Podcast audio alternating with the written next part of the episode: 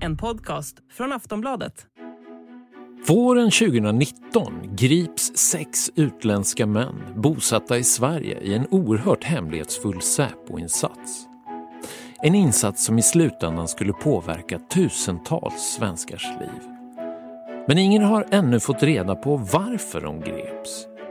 Det här är historien om två av dem. Jag heter Martin Ågård och du lyssnar på Imamens son.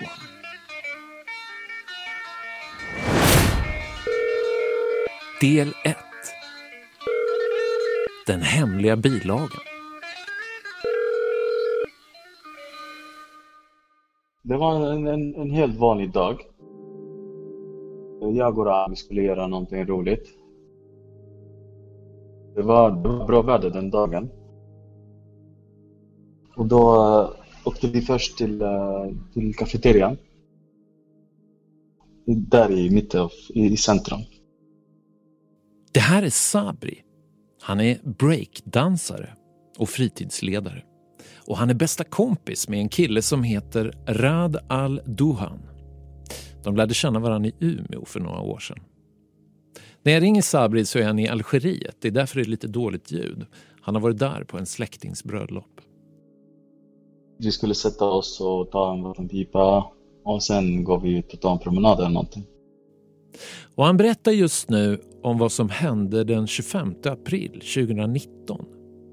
De båda vännerna har bestämt sig för att dra ner på stan i Gävle. Det är en vanlig torsdag. Vi satt och snackade lite. Sen uh, det kom en tjej in till uh, restaurangen eller till kafeterian. Eh, hon, eh, det var en tjej som vi har aldrig sett. Eh, hon gick in och frågade bara ah, kan, vi, kan man boka och ha fest här och na, na, na. Och Rad gick, gick till henne och stod där och pratade med henne länge, faktiskt. Han kom tillbaka, han satt en, två minuter och då hans telefon ringde. Han svarade, det var, jag tror det var hans mamma. Och hon sa till honom att de har, någon har, de har tagit din pappa. Rads pappa har försvunnit strax innan morgonbönen klockan nio. Några okända män plockade in honom i en bil och sedan dess har han inte hörts av.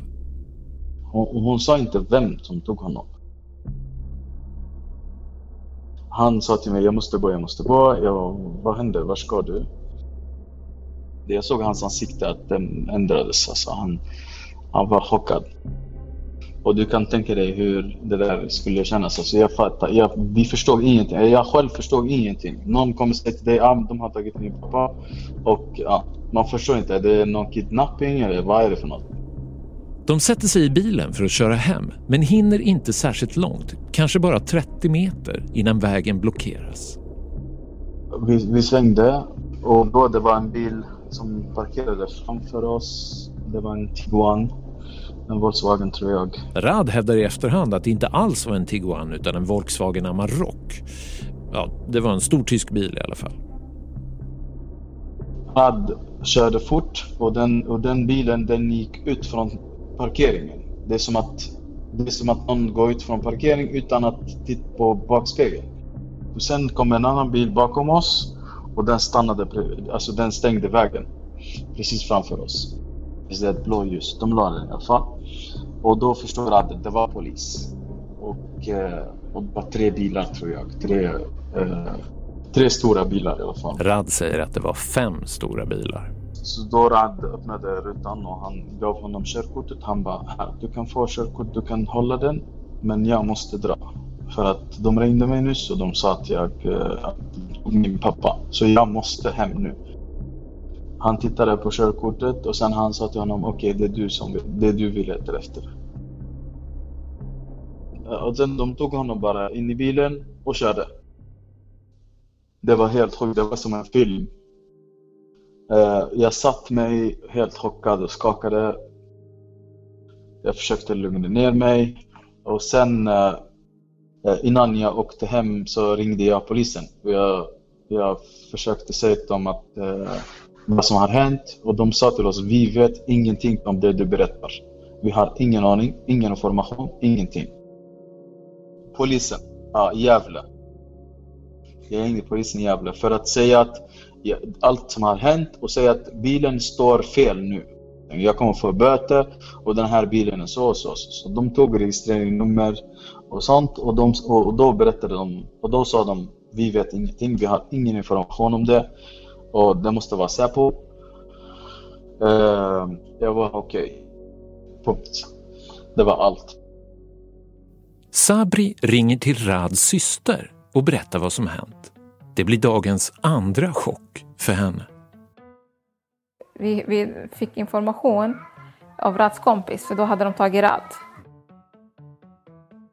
Han visste ju inte heller vem det var. Han sa bara att någon bil kom och liksom, ja, men han fick ju gå iväg och så tog de Rad. Han visste ju inte heller vad som hände. Och då ringde vi polisen flera gånger och vi fick ingen info. Men till slut så fick jag säga till dem, alltså ni måste säga om, ni, om det är ni som har tagit min pappa för att han har ju en hotbild mot sig. Och att det kommer en, en svart bil och plockar min pappa eller min bror, hur ska jag veta vart han har hamnat? Annars måste... Ja, alltså det var ju det vi tänkte. Vi, vi, fick, alltså, vi trodde att han blev kidnappad. Eh, så till slut eh, sa jag ah, i så fall måste jag göra en anmälan för att jag någonstans måste vi veta. Och då så eh, återkom de till oss efter en timme och sa ni behöver inte oroa er, han är hos oss liksom. Mm.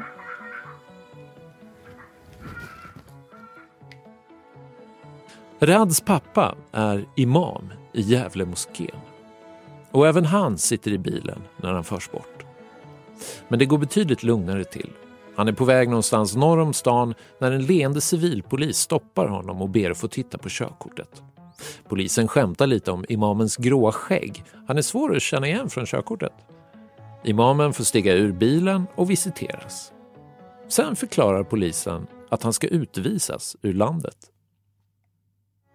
Imamen kräver att få se beslutet men eftersom det finns på stationen placeras han i baksätet med en polis bredvid sig. Men istället för att åka till polisstationen i Gävle tar de motorvägen mot Stockholm och kör till häktet i Sollentuna. På parkeringen utanför dyker en kvinna och en man upp och presenterar sig. De är från Säkerhetspolisen. De sa till mig imorgon vi kommer med en tolk och ska förklara varför. Ja, precis Säpo. Men det var inte Säpo Samtidigt. som grep dig? Det var vanligt. Nej, inte Säpo. Det är en civil, eh, civilpolis. Ja. De, och jag tror de är från Gävle, som är i Gävle. Ja. För att jag känner dem bara varje dag under skrivit jag såg bilen. ja, nej, de är civilpolis. Men där, de kommer två personer, en kvinna och en man. De träffar mig. Och vi är säkerhetspolisen. Och du fick beslut att utvisas, men du har rätt att eh, få en advokat. Och imorgon ska komma klockan tio och ska förklara till dig var, var, varför. Men Säkerhetspolisen kommer aldrig att förklara varför. Varken för honom eller hans son. Faktum är att tre år senare hävdar båda två att de fortfarande inte vet varför. Sen den dagen, jag hörde ingenting och jag visste ingenting. Jag får, jag får information bara från så här Rads syster eller Rads eh, fru eller ja. Det var eh, allt jag fick. Någon som kunde förklara till mig eller ja, polis eller Säpo eller vem som helst. Det, det fick jag inte.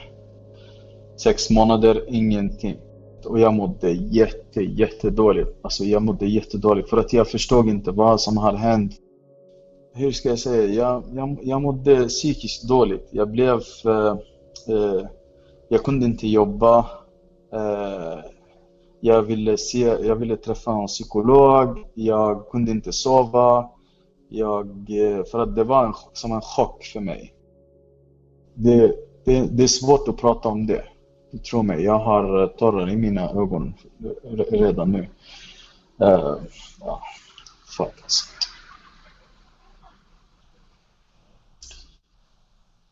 Oh. Ja, ja, men uh, ja, som sagt, det, var, det, var, det där var svårt.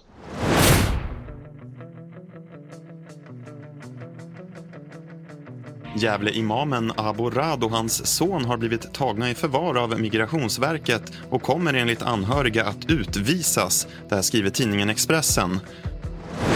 En muslimsk ledare i Umeå togs på torsdagen i förvar av Säkerhetspolisen.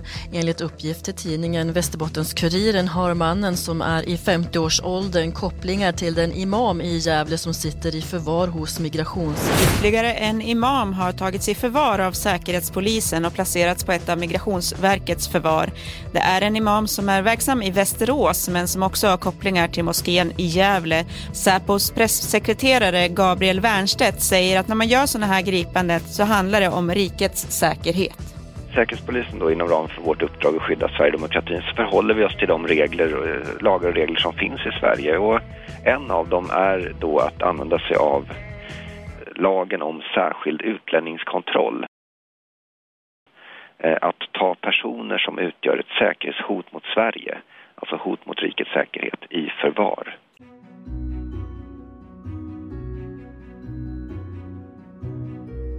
April 2019, jag tror det var någonstans där i, i slutet av månaden. Så, 25-26. Ja, precis. Så greps det ju egentligen olika individer eh, med, med väldigt så att säga, nära mellanrum.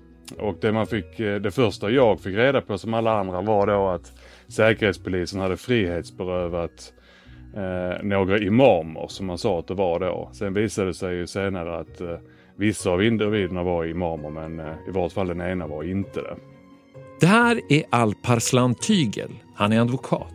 En reslig skåning som är mycket rutinerad i utvisningsärenden. Han har till och med jobbat på Migrationsverket.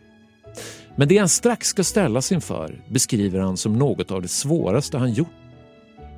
Och kort därefter egentligen så fick jag ett eh, telefonsamtal från Migrationsverket Eh, och frågan var då om jag kunde ställa upp som offentligt biträde i den här eh, processen helt enkelt. Lagen om särskild utlänningskontroll. Han är Abourads advokat. Abourad betyder för övrigt Rads pappa på arabiska. Det är ett smeknamn, men också ett sorts artistnamn kan man väl säga. Alla imamer brukar köra med pappanamn med tillägget Sheikh. Så vi kan kalla honom Sheikh Abourad om vi vill vara högtidliga. Egentligen heter han Riyad Yassim. Och efter det här fallet kan man väl säga att Al-Parslan har blivit landets främsta expert på just den här speciella lagen. Den här lagen är tänkt att användas för de utländska medborgare som betraktas vara de allvarligaste säkerhetshoten mot Sverige. Eh, och därför så är det regelmässigt på det sättet att de frihetsberövas alltid när eh, processen inleds. Det vill säga de tas i förvar. Och det första som händer är egentligen att, eh, att man får, att personen i fråga genomgår ett antal utredningar vid Migrationsverket där man dels får möjlighet att bemöta de anklagelser som man får ta del av som eh, Säkerhetspolisen har riktat. Dels då för redogöra för varför man inte kan återvända till sitt eh, hemland. För tanken med den här processen är att personen ska utvisas ur landet. Eh, lagen om särskild utlänningskontrollen tillkom ju på 90-talet men det har funnits föregångare till den här lagstiftningen som egentligen går ända tillbaka till 1900-talets eh, början. Ni behöver verkligen inte förstå hela förhistorien och alla förarbeten här. Det räcker med att konstatera att det här är en mycket ovanlig lag. Ända sedan dess. Eh, men eh, den har tillämpats vid ytterst få tillfällen. Så ovanlig att regeringen varje år skriver en rapport om hur många gånger den används. Och sedan lagen stiftades för 30 år sedan har det varit i genomsnitt två gånger om året. Många år används den inte alls egentligen. Men 2019 så händer något. Året då Radal Dohan och hans pappa grips rusar statistiken i höjden. Elva gånger tillämpas lagen. Lite oklart hur. Men det är i alla fall en fullkomligt unik insats och för att göra det här fallet ännu mer unikt så utnyttjar Säpo en paragraf i lagen som fram tills nu bara använts en enda gång. En paragraf som finns för att stoppa spionerande diplomater. Tanken från början med att utvisa individer med hänsyn till, till rikets säkerhet, det var för att man skulle kunna till exempel agera mot just spioner. Eh, och den har använts eh, vid ett tillfälle tidigare utifrån alla de undersökningar som jag har gjort. Och det var just eh, i förhållande till en eh, spion som eh, hade rysk härkomst. Därutöver så har man under de alltså hundra åren inte tillämpat den eh, möjligheten. Alparslan förstod snabbt att det här fallet var ovanligt på flera sätt. Där det började gå upp för mig att, att här finns inte de rättssäkerhetsgarantier som man normalt sett förväntar sig. Inte bara i brottmål utan i alla andra typer av rättsprocesser. Det var egentligen när man stötte på den omfattande sekretess som råder i ärendet. Och när märkte du den först? Det märkte jag första gången när jag fick ta del av eh, Säkerhetspolisens eh, ansökan om utvisning. Där jag och min klient då fick ta del av vissa av de påståendena som Säkerhetspolisen ansåg eh, var för handen och som skulle medföra att han eh, skulle utvisas från Sverige. Men då fick jag i samband med det också reda på att det fanns en bilaga till den här ansökan eh, som Migrationsverket och eh, sedermera domstolen och regeringen får lov att ta del av och läsa. Men som varken jag eller min klient fick ta del av och som vi därför inte heller kunde bemöta under processen. Vad hette den bilagan? Den hette Den hemliga bilagan.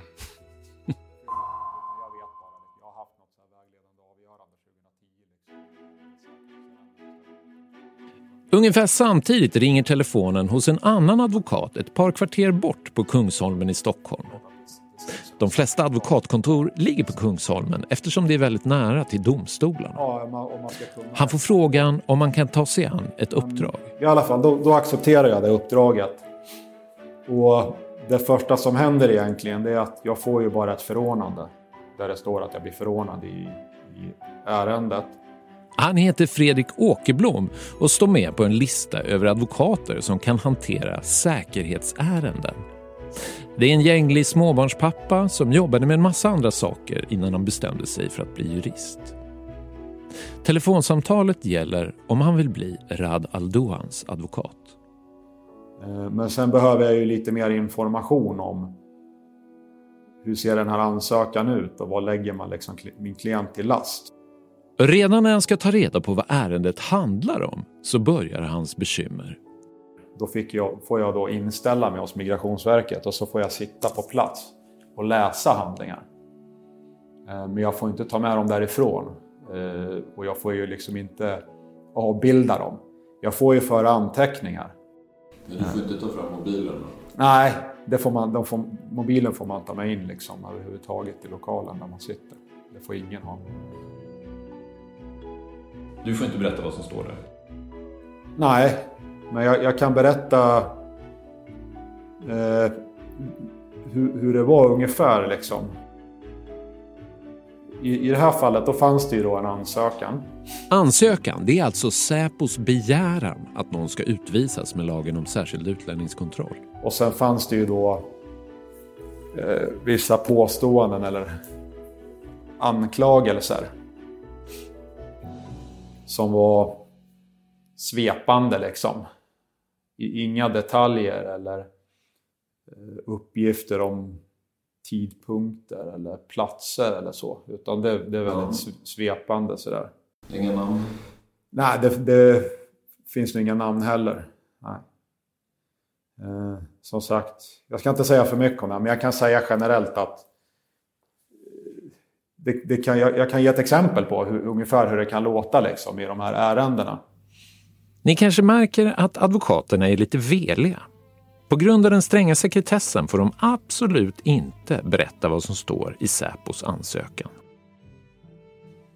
Eh, då, då, kan det vara så här, om du är föremål för det här nu, då, då, skulle det kunna vara så här att eh, ja, man vill att du ska utvisas för att du är ett hot mot rikets säkerhet. Eh, för att det har, har kommit information om att du har kontakter med individer i Stockholmsområdet. Det här är alltså ett exempel. Som ägnar sig åt grov organiserad brottslighet. Det ligger ganska nära sanningen, men ta bort det där med, med grov organiserad brottslighet. Utöver den kontakt du har med de här individerna så är du också en sån som propagerar för eh, kriminell, en kriminell livsstil. Punkt. Punkt? Inget mer? Då vill ju du veta om du känner att det här stämmer inte alls. Liksom. Vad handlar det här om? Då vill ju du kanske veta, vad då, vilka individer? Ja, det vill man ju. Och när liksom? Och, och i Stockholm, hur, vad, vad, menar ni liksom? Sådär. Men då får du inga svar. Det, det är det som är liksom. Uh, och i det här fallet var det den typen av liksom vaga anklagelser. Men sen fick, fick vi också veta att det fanns en sekretessbilaga som någon slags promemoria eller så. Eh, och då fick vi veta att den fick inte, den fick inte vi ta del av överhuvudtaget och det fick inte Migrationsverket heller. Och det fick inte Migrationsöverdomstolen heller. Och vad jag vet, så vitt jag vet, så fick ju inte eh, regeringen del av den heller. Det kan jag inte utesluta, så kanske det var, men det är inget vi har fått veta i så fall. Men du kan heller inte veta att i den bilagan, om det finns några konkreta bevis? Ja, det har vi ingen aning om. För att man får inte veta heller att där finns det konkreta bevis. Liksom. Man får inte veta någonting. Man vet bara att det finns en bilaga. Alltså, jag, jag, det här tycker jag är en väldigt, eh, väldigt viktig sak att understryka. Att i den hemliga bilagan så behöver det nödvändigtvis inte finnas någon bevisning. Och det är ett av de absolut centrala problemen med den här processen. Att varken eh, den enskilde advokaten, Migrationsverket eller domstolarna får ta, ta del av bevisningen. Alltså de, det underlaget som uppgifterna bygger på. Den hemliga bilagan ska innehålla ytterligare uppgifter som Säkerhetspolisen anser vara eh, ge stöd för deras påstående att personen är ett hot mot rikets säkerhet till exempel. Men eh, någon bevisning, alltså vad uppgifterna i dels ansökan, dels den hemliga bilagan grundar sig på. Det får regelmässigt varken den enskilde eller, eh, eh, eller de bedömande myndigheterna reda på. Eh, de anklagelser då som du har fått veta mm. till din klient, de kan inte du berätta för mig här nu? Nej, det, jag tror att det råder sekretess 25 eller 50 år framåt på de uppgifterna. Så att det kommer inte jag kunna, om inte än längre ska jag säga, men det finns det ingen som helst möjlighet för mig att berätta. Dessutom är det så att jag har skrivit under ett förbehåll som det heter, det vill säga, eller man får uppgifterna om ett förbehåll som innebär att du får lov att ta del av de här, men om du eh, berättar det för någon så kan du bli dömd för brott. Under tiden sitter Rad och hans pappa i häktet i Sollentuna. Abu Rad tillbringar tiden med att läsa. Hundraåringen som klev ut genom fönstret och försvann läser han flera gånger. Han får inte träffa sin fru utan att en arabisktalande vakt är med i rummet och det dröjer innan de hittar någon. De får bara prata om vardagliga saker. Rad har först ingen kontakt med omvärlden. Han tillbringar 23 timmar om dygnet i sin cell. Och han får inte så kallad samsittning. Det betyder att man en stund varje dag får sitta tillsammans med de andra fångarna. Han kan inte ringa någon eftersom alla han känner bara har mobiltelefoner och det är inte tillåtet att ringa mobiltelefoner. Det är lite oklart varför kriminalvården tycker att fasta telefoner är helt okej, okay, men sådana är reglerna. Den enda han träffar under de två första månaderna är mamman. De träffas i 30 minuter. Rad mår dåligt. Han saknar sin treårige son. Men han samarbetar och hjälper till att städa.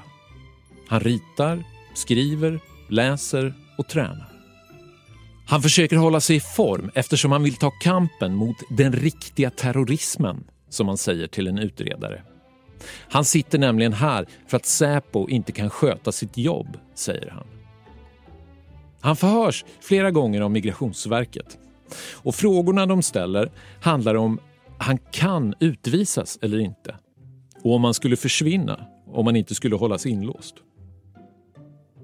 Rad försäkrar att han inte har någonstans att ta vägen om han skulle släppas fri. Han har inget pass.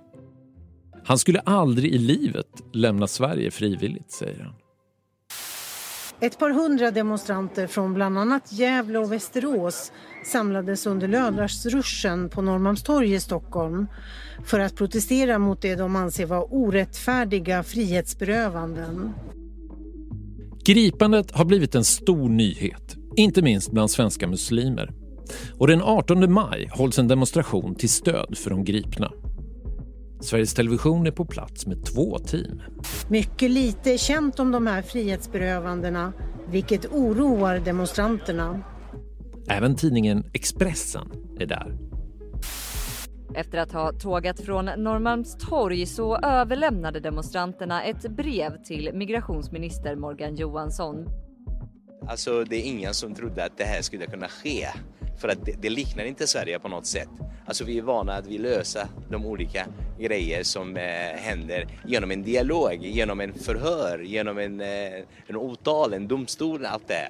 Och när det, det, det, det som skedde har gjort att folk har blivit oroliga ute i församlingarna. Både demonstrationen och rapporteringen om den är lite förvirrad. Expressen rapporterar till exempel att fem personer tagits i förvar. Det handlar om Gävle-imamen Aborad och hans son, imamen Hussein Aljiburu i Umeå och imamen Fekri Hamad från Västerås. I torsdags togs den muslimska friskolan Vetenskapsskolans VD Abdel Nasser El Nadi också i förvar. Men en sjätte man har också gripits, en tjetjen bosatt i Gävle. Men till att börja med så är det lite oklart om man demonstrerar för honom eller inte. Det krävs först lite diskussion bland demonstranterna innan hans plakat också får vara med. Och Nessatur, vem stor är det? En stor del av förvirringen består i att de här männen inte är okända. Tvärtom. Sen ungefär 2015 har det rapporterats om dem i flera svenska medier. De har av olika personer, aktivister, forskare, bloggare och tidningskolumnister pekats ut som radikala. Ser ni inte något problem med att eh, imamer predikar en radikal tolkning av islam? Ja, för att det beror på ibland eh, vissa imamer hur de tolkar eller hur de gör. Men eh, jag förstår inte frågan radikal. Vad menar du med det? För islam själv är radikal eller som kristendom, de är radikal, eller hur? De som följer boken, då, blir, då kallas man för radikal. Rapporterna har handlat om vitt skilda saker men alla pekar de i samma riktning. De här männen sprider ett farligt budskap. Expressen och Dagens Nyheter kallar dem för islamister eller radikala islamister alternativt våldsbejakande islamister. Expressens poliskolumnist Fredrik Sjöshult skriver att imamerna terroriststämplats. Demonstranterna som samlats här på Norrmalmstorg håller inte med. Gävlemoskéns ordförande Nissam Hindi till exempel, han tror inte på rapporterna. Vi, vi tror att de här människorna eh, gör inget sånt. Hur kan du veta det då? Ja, vi har ju levt med dem 23 eh, år. Men andra tror desto mer. Det har kommit motdemonstranter. En man går omkring med en skylt med ett hjärta och texten Säpo. De har rekryterat till IS och de här personerna demonstrerar mot det. Så de stödjer de imamerna som har spridit IS.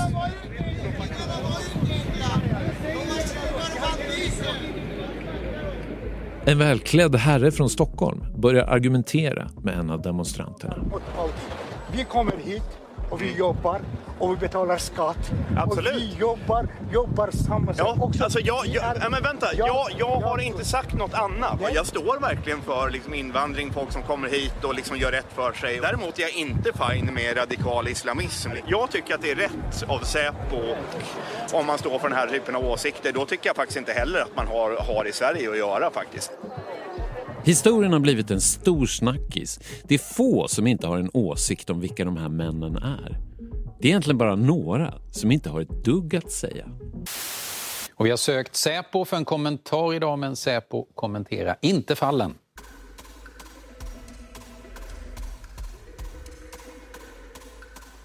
det skrevs ju om, om eh, hans pappa och moskén. Eh, och, och, det här var ju liksom långt innan de blev, blev föremål liksom för den här lagstiftningen. Men det skrevs då om att, att de skulle vara radikala och att, att de skulle liksom propagera för en viss tolkning eh, av islam och så vidare. Ungefär så. Det är kanske inte jättekonstigt att advokaterna blir väldigt irriterade på att Säpo tiger som muren samtidigt som tidningarna fylls med anklagelser mot deras klienter. De är märkbart irriterade. När det här ärendet inleddes eh, så, så skrevs det liksom mycket om det. Och det som hade rapporterats tidigare då om eh, Riyad Yassim eller Abu Rad som han då kallas. Det liksom publicerades ju på nytt kan man säga. När man tog del av den informationen och sen försökte eh, spåra den tillbaka till grundkällan så kunde man ju se hur ett, hur ett väldigt löst påstående under tiden som den, som den rapporterades om och om igen från andra, kanske mer tillförlitliga källor, kunde se hur den här informationen traderades, att den blev mer och mer en uppgift som var ett löst påstående gick till att bli en vedertagen sanning. Vi ska återkomma till artiklarna om Rad och hans pappa. Vi ska gå igenom dem noga. Men vissa saker kan man avfärda direkt här och nu. Expressens påstående att imamerna terrorstämplats stämmer helt enkelt inte. Så som det har framställts i, den, i det, det offentliga samtalet så har, eh, har de här personerna av, av olika andra individer anklagats då för att vara potentiella terrorister. Men om det nu skulle vara på det sättet så ställer man sig frågan nummer ett, varför har de då inte begärts utvisade med, med stöd av den bestämmelsen som ger möjlighet att utvisa potentiella terrorister? Det är den första frågan. Den andra frågan är att om det nu är så, eh, så belagt som vissa personer har hävdat att de här personerna är involverade i, i eh, den typen av verksamhet. Varför har de då inte delgetts misstanke för den typen av brottslighet och eh, sedermera eh, då dömts för de brotten? Så hur bygger man upp ett försvar när man inte får veta vad Säpo riktar för anklagelser mot ens klient?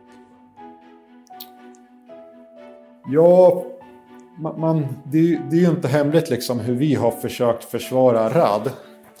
Och det vanliga blir ju liksom att man får göra någon slags så här... Eh, föra någon slags karaktärsbevisning. För om det är så att om det, om det påstås liksom det påstås de här sakerna. Men det, det finns ingen så här uppgift om att just den här personen, namngivna personen har du haft kontakt med. Eller just du har varit på den här platsen vid den tidpunkten och varit med vid ett möte. Då är det väldigt, det är väldigt svårt att liksom vederlägga den typen av uppgifter. Då. Det går ju inte överhuvudtaget. Så att man får göra någon slags, föra någon slags eh, karaktärsbevisning. Redan då hade vi ju ett antal så skriftliga vittnesmål från personer som har varit nära Rad under åren innan. Han har ju bedrivit liksom förenings verksamhet eh, där ungdomar liksom har spelat fotboll och dansat och tränat boxning och sådär. Och där har han ju hållit på med sig integrationsarbete också. Och det, det är ju något som har skrivits i media mycket, att han ska ha radikaliserat liksom ungdomar i den här verksamheten. Och då har ju vi haft så vittnesmål både från ungdomar och andra ledare eh, som har varit med i den här verksamheten. Vittnesmål. Så jag tror vi kanske är uppe i 40 personer som har skrivit liksom vittnesmål om vilken kontakt de har haft med Rad och hur de uppfattat honom som person. Och det är ju så här, det är män, kvinnor, kristna, ateister, sunnimuslimer, shia-muslimer, kurder, svenskar, all, all, alla slags folk liksom, med olika bakgrund. Och den bild de beskriver det är liksom så här att han, han tar avstånd liksom från våld i allmänhet. Liksom. Han är inte särskilt religiös. Han har aldrig pratat liksom, om religion eller politik så här, med ungdomar eller ledare. Det är ingen som känner igen den bilden överhuvudtaget. Liksom. Eh, och, och många är rätt så frustrerade och förbannade också. För att de känner honom liksom och vet att det här stämmer inte. P4 Gävleborg. Sveriges Radio. God morgon Rad. God morgon. Du pratar så mycket mellan, eh, eller vi har pratat så mycket under musiken här som är, ja, du har så mycket att berätta. Du, är du en eldsjäl? Ja, så gott jag kan så är jag det, ja. Mm. Eh, Jag kämpar och brinner för barnen och människorna. Jag brinner för att eh, för ett mångkulturellt samhälle där alla vi ska mötas eh, över gränserna och eh, se varandra först och främst som människor, sen som allt annat och det är där vi bör mötas. Mm. Jag läste lite... Det är alltså den här killen vi pratar om. Rad Aldohan. Här intervjuas han i Radio Gävleborg 2015. Det är världens mysigaste intervju. Han var nämligen en medborgare höjd över alla misstankar. En lokalkändis. Inte världens största lokalkändis kanske, men ändå en lokalkändis. Han jobbade med integrationsfrågor, samarbetade med kommunen, träffade polischefer. Han gästade litteraturfestivaler och var en återkommande gäst i lokala medier. Och just nu har han nominerats till ett fint pris för sin idrottsverksamhet. En mångkulturell sportklubb, eh, en arena för att eh, alla barn och ungdomar ska få sin röst hörd eh, bland politiker, tjänstemän. Vårt mål i år är att försöka bygga en relation till skolorna, komma ut där och rekrytera ungdomarna till en vettig sysselsättning. Han är i brist på andra ord vad man brukar kalla en brobyggare. Han vill göra sin idrottsklubb till en mötesplats och ett verktyg mot segregation. Så han är ute i skolorna för att få ungdomar att komma till klubben och om man når dem så kan man också nå föräldrar som lever isolerat från samhället. Samma sak gäller för tjejer. Eh, att de ska styra sina egna aktiviteter eh, på sitt eget sätt. Det är väldigt sällan. Man brukar alltid lägga eh, vissa regler och lagar hur de ska göra. Och Det också gör att vi förlorar många tjejer som faktiskt vill göra många andra tjejer delaktiga. Om vi låter oss ta som exempel tjejer med invandrarbakgrund från, som har liksom islam som religion. Det är många av deras föräldrar kan missförstå islam och då blir det segregation. Och eh, skulle vi ge rätt verktyg och stöd till de här tjejerna skulle de faktiskt vara en nyckel för oss att integrera sina föräldrar. Men många förstår inte det. Det är en kunskapsfråga, vet du. Genom att göra unga tjejer självständiga från sina konservativa familjer så kan man hjälpa föräldrar som missförstått islam att ta sig ur segregationen, menar han. Mm. Dina historier och dina, ditt engagemang kommer vi att få höra mer av. Helt eh, övertygad är vi om det. Radal Duan, vi får se då om du blir en av dem som nomineras på söndag till eh, möjligheten att vinna pris då som eldsjäl i Sverige på en gala den 5 mars. Tack så mycket för att du kom hit. Tack själva. Nej, Rad gick inte till final i Eldsjälsgalan. Ett sånt där TV4-evenemang med Ingvar Oldsberg i spetsen som ni säkert har sett. Sverige är fullt av eldsjälar som lägger massor av tid och kraft på att få föreningslivet... Men Radio Gävleborg hade ändå rätt. Vi skulle få höra mer om Rad Aldohan. Bara inte av de skäl de trodde just då. Är ni redo för gala? Eldsjälsgalan med miljonbingo. Torsdag klockan åtta. Han som sa att han tränade tjejer för att visa deras föräldrar att de missförstått islam.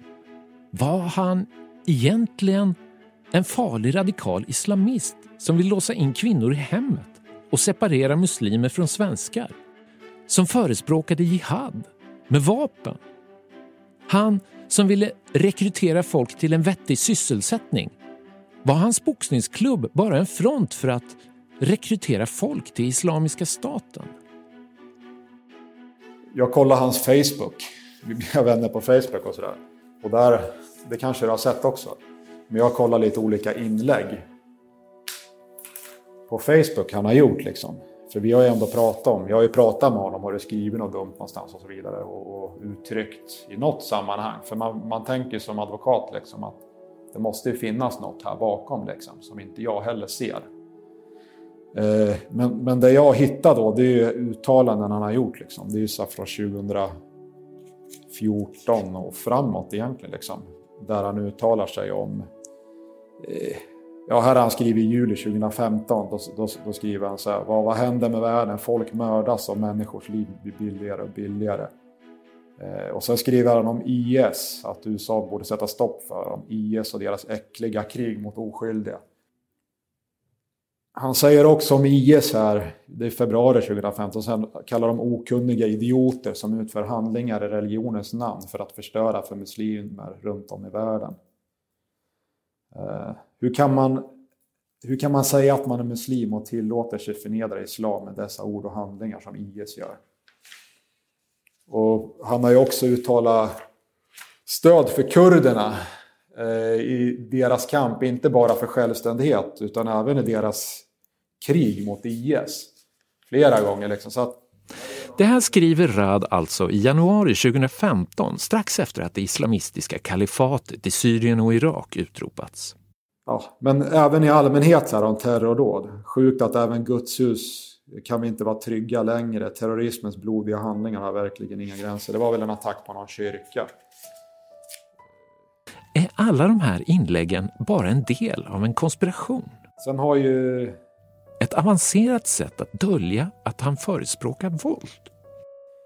Ja, Annie Lööf har ju skrivit om det på sin Facebook eller Twitter och, och, om något attentat också.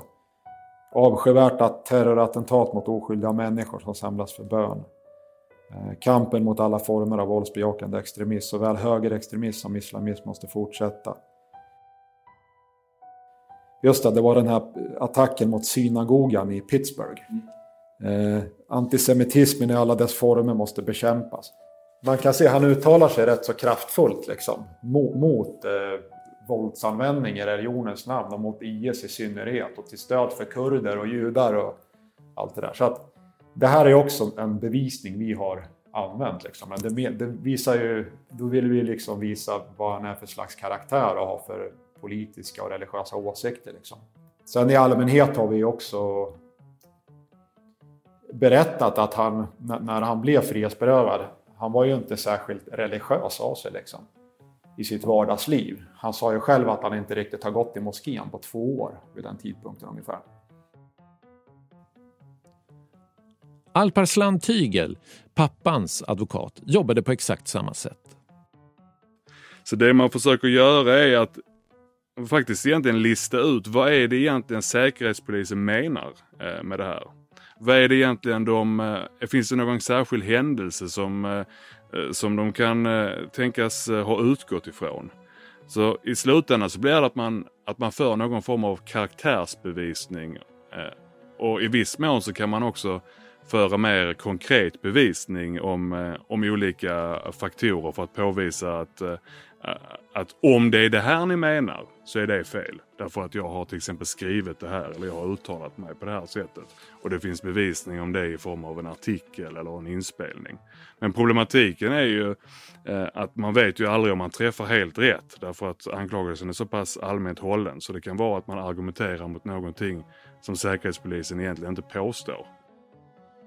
Så vad gjorde du? Vilka spår gick du på? Vad, vad tog du fasta på? Alltså i den här Jag kan ju inte gå in för mycket på eh, försvaret eftersom jag då riskerar att så att säga indirekt röja de uppgifterna som, eh, eh, som eh, Säkerhetspolisen ansåg låg till grund för eh, deras bedömning att, att han var ett hot mot rikets säkerhet. Två imamer och ytterligare en person ska utvisas ur Sverige efter beslut av Migrationsverket. Kristin Odén rapporterar. Men varken breven, protesterna eller karaktärsbevisningen hjälper.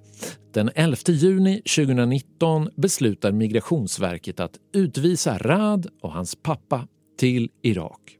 Det är ett land som Rad inte varit i sedan han var fem år gammal. Lagen har bland annat kritiserats av Advokatsamfundet för att de personer som berörs saknar de rättigheter som andra brottsmisstänkta har. Och vad gäller Radal Dohans beslut kan ni, om ni vill, anteckna en sak. Det kan verkligen vara en skitgrej, men det finns ett skäl till varför jag har svårt att släppa det här. Hans beslut innehåller nämligen ett fel. Migrationsverket skriver att Rad dömts till fängelse för hot. Det är inte sant. Han är dömd för hot, men i slutändan till böter. Det kan som sagt vara en petitess, ett slarvigt misstag och det vore illa nog. Trots allt hemlighetsmakeri och trots att det här handlar om rikets säkerhet har Migrationsverket inte koll på fakta i målet.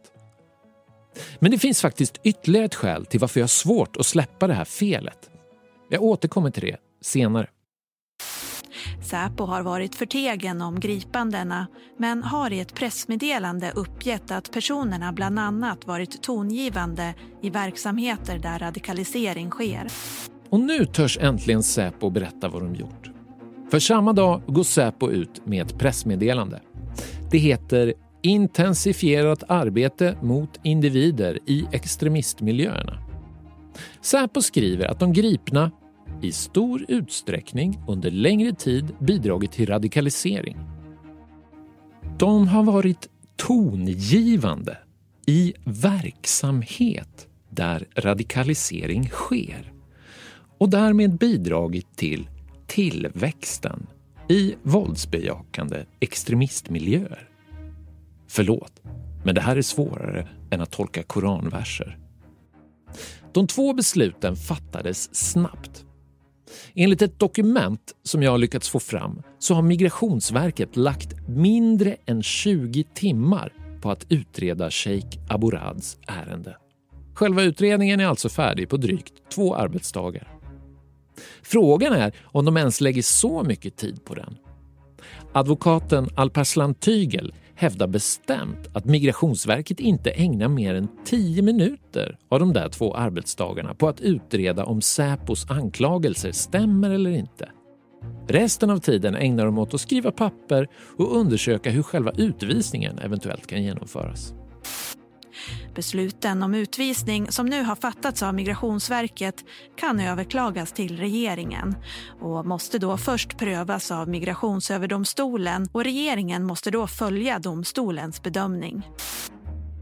Efter Migrationsverkets superkorta utredning så ska ärendet äntligen prövas av riktiga jurister i något som påminner om en domstol.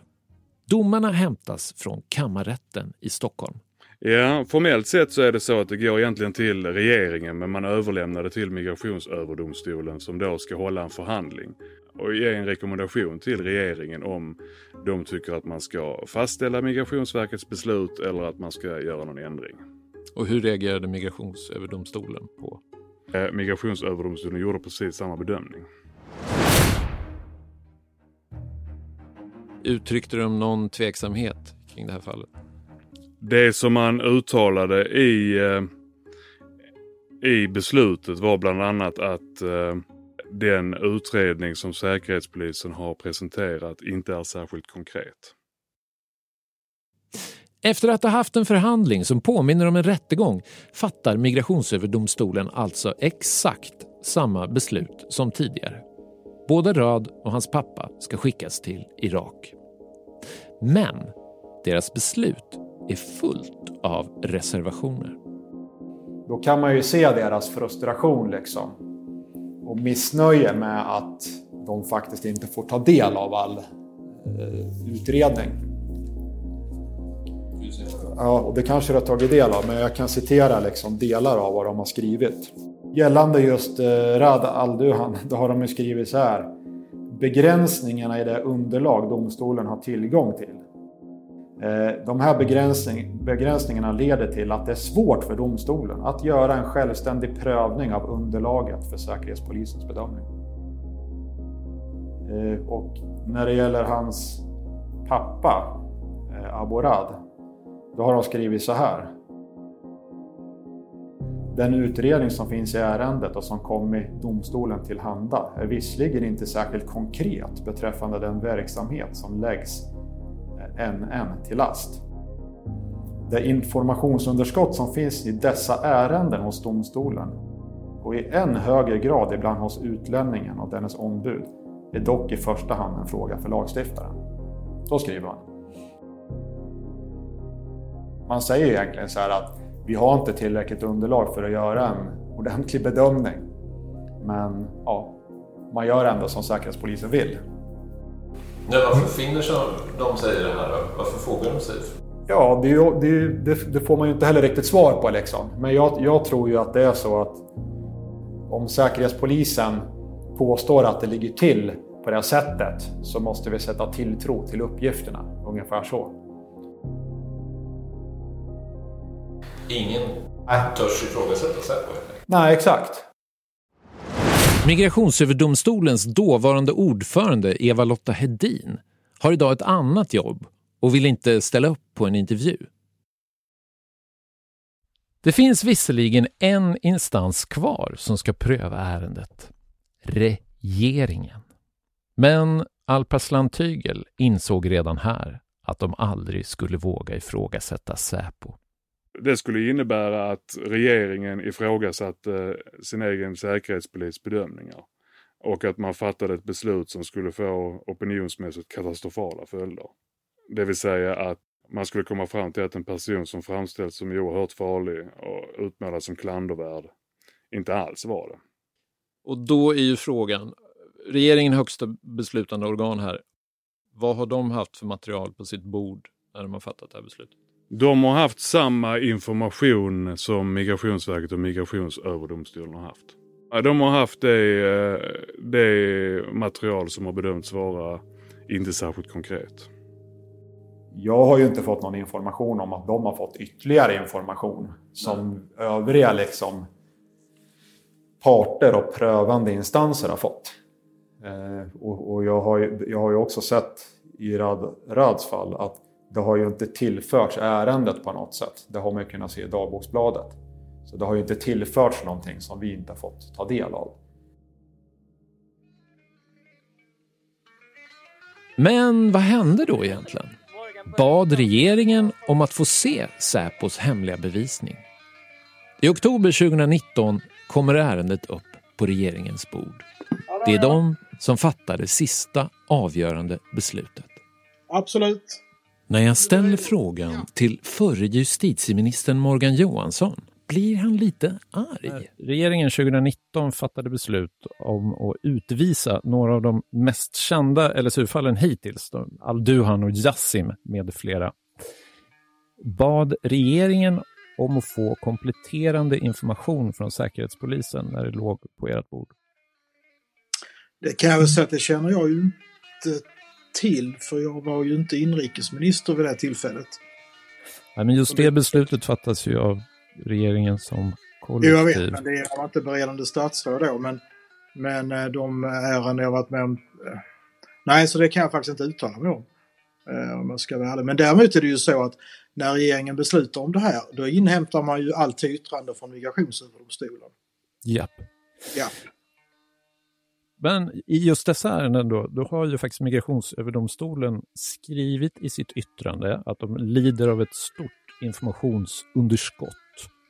Att anklagelserna inte är konkreta, helt enkelt att de inte får veta tillräckligt mycket för att fatta ett självständigt beslut och kan inte göra något annat än att gå men, på man måste då, då får man gå tillbaka ändå till vad är det vi pratar om här? Jo, alltså, nej, men det jag vill komma till... Det skulle... jag vet, men jag kan ju inte uttala mig om enskilda ärenden, det förstår du väl? Ja, det förstår jag. Men ja. min poäng är att i det ärendet så skrev man att det här informationsunderskottet som gäller alla LSU-ärenden är en fråga för lagstiftaren. Alltså det, det var helt enkelt ett, ett, något sorts litet nödrop från uh, Migrationsöverdomstolen. Ja, det vet jag inte om man ska tolka det. Men grunden är i alla fall denna, att om man inte är svensk medborgare så har man ingen ovillkorlig rätt att få vistas i Sverige. Nej. Det är grunden. Nej. Och LSU berör, berör ju då bara de allra mest kvalificerade säkerhetshoten.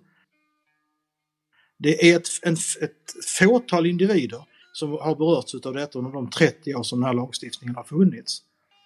Och då är det ju då dessutom så att eh, våra underrättelsemyndigheter kan inte röja uppgifter eller röja sina källor eh, hur som helst utan man måste kunna mm. hålla på, sina, på, på de här eh, uppgifterna.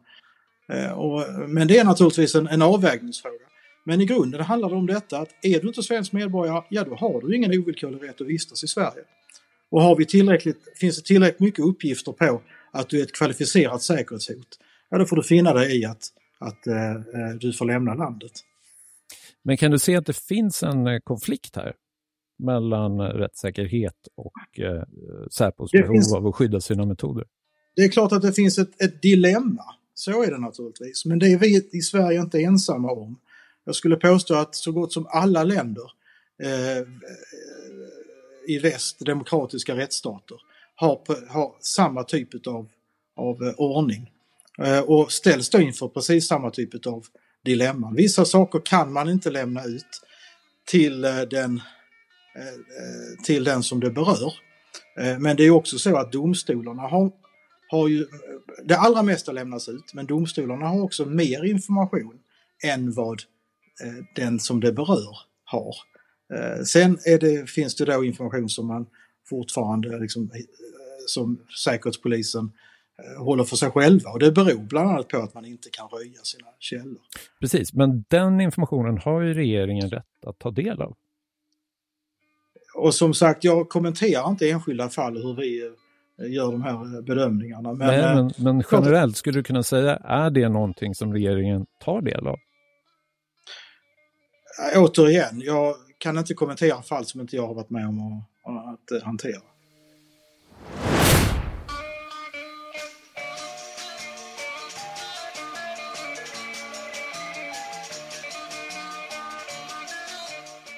I sitt beslut om RAD skriver regeringen det saknas anledning för regeringen att göra en annan bedömning än den Migrationsverket och Migrationsöverdomstolen gjort.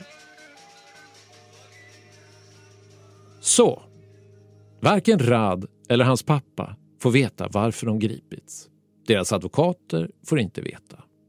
Migrationsöverdomstolen får inte heller veta men hoppas att åtminstone regeringen ska få se hela bevisningen.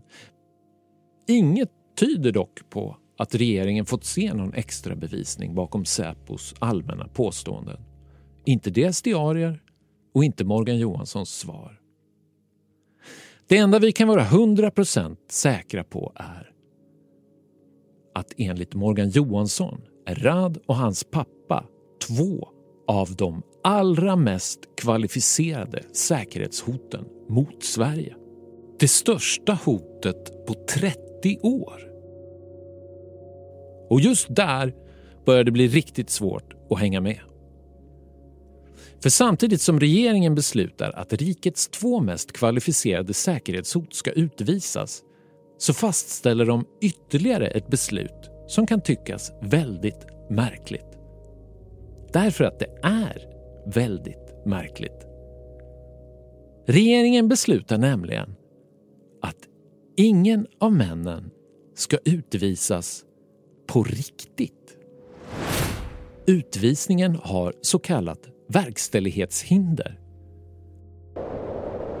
Iraq has been experiencing serious human rights violations for years. Most prominently, killings, physical liquidations, arbitrary detention, enforced disappearances, torture and imprisonment in secret prisons. Hotbilden mot dem i Irak är helt enkelt för stor. Konflikten mellan shia och sunni har eskalerat sedan den amerikanska invasionen och risken att avrättas bara för att det finns en misstanke om att sympatisera med terrororganisationer är stor. Och det blir såklart skandal. De sex islamister som bedömts vara ett hot mot rikets säkerhet kan man bara inte släppa på fri fot. På Kristdemokraternas årsmöte är Ebba Busch rasande. Hon får rungande applåder när hon kräver att Sverige borde strunta i vad lagen säger. Kom inte här och säg att det inte finns något att göra. Låt oss stresstesta hur länge de kan hållas i förvar. Och på något sätt känns det hela ganska rimligt.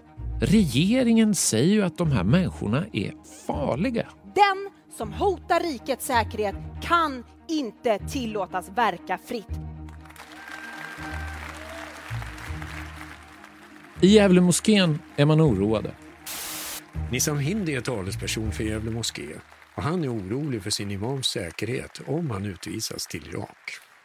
Han kommer förmodligen att uh, utsättas för fängelse, uh, tortyr eller kanske även dödsstraff.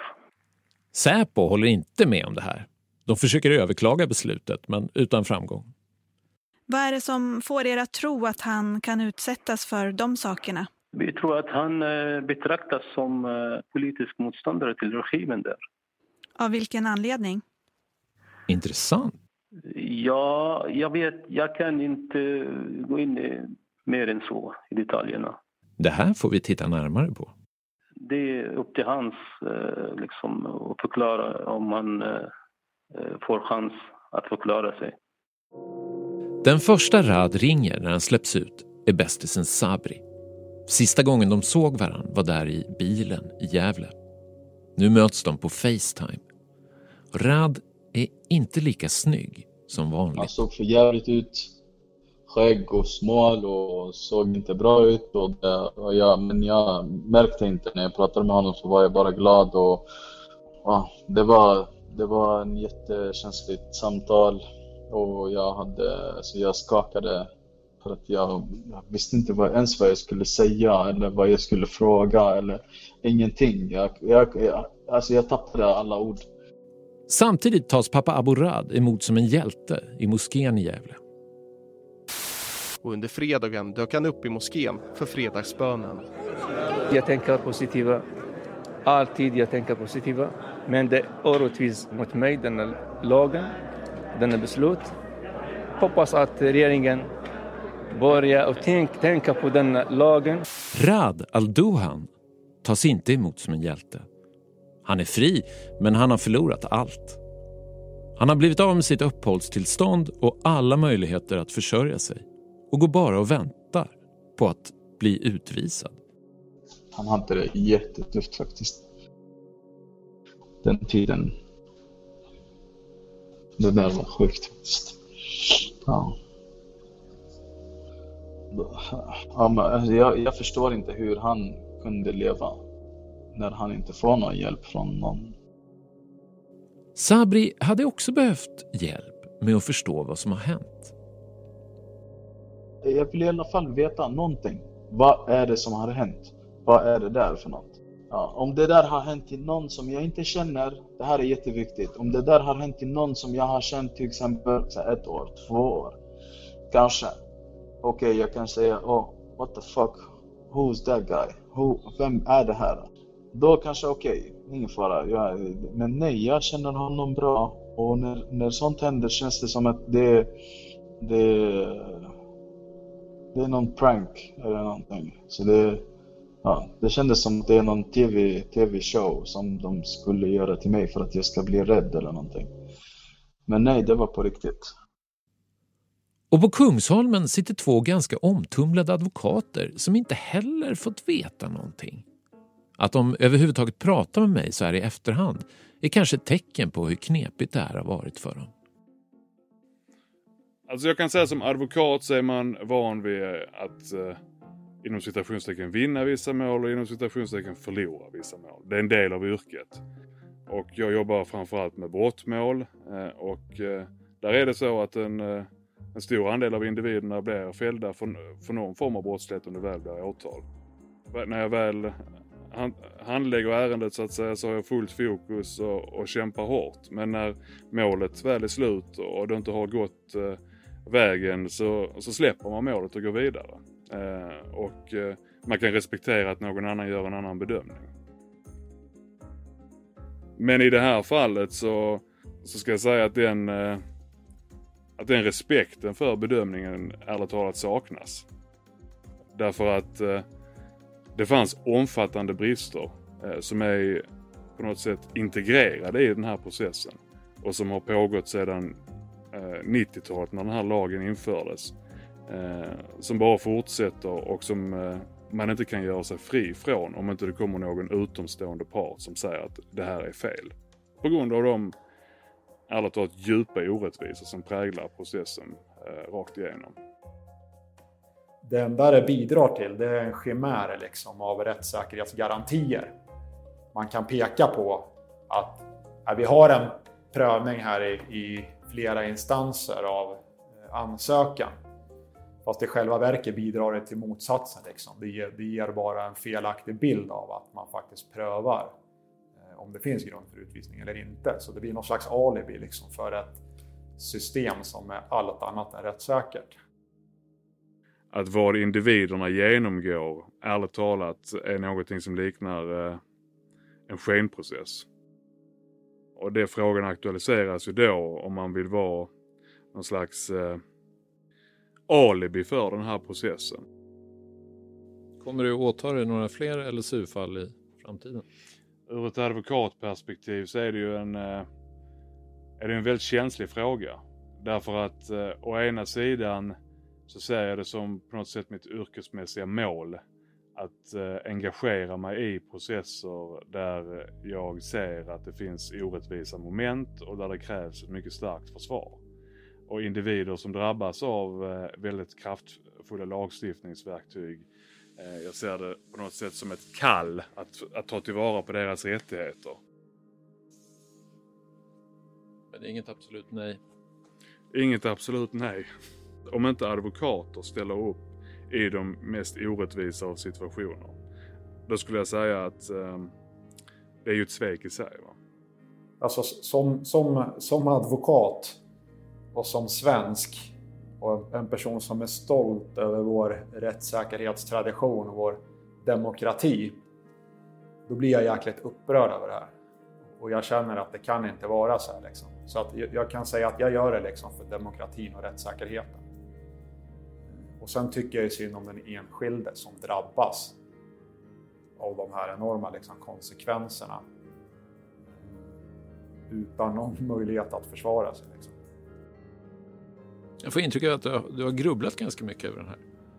Ja, det har jag gjort. Väldigt mycket. Därför att jag trodde inte att jag skulle möta något liknande i en svensk rättsprocess. Det trodde jag faktiskt inte. Jag har en väldigt stark tilltro till det svenska rättssystemet ska jag säga. Det finns en hög grad av rättssäkerhet och, jag, jag, och systemet fungerar. Men i den här processen så finns det ytterst allvarliga brister eh, som, eh, eh som är väldigt svåra att acceptera.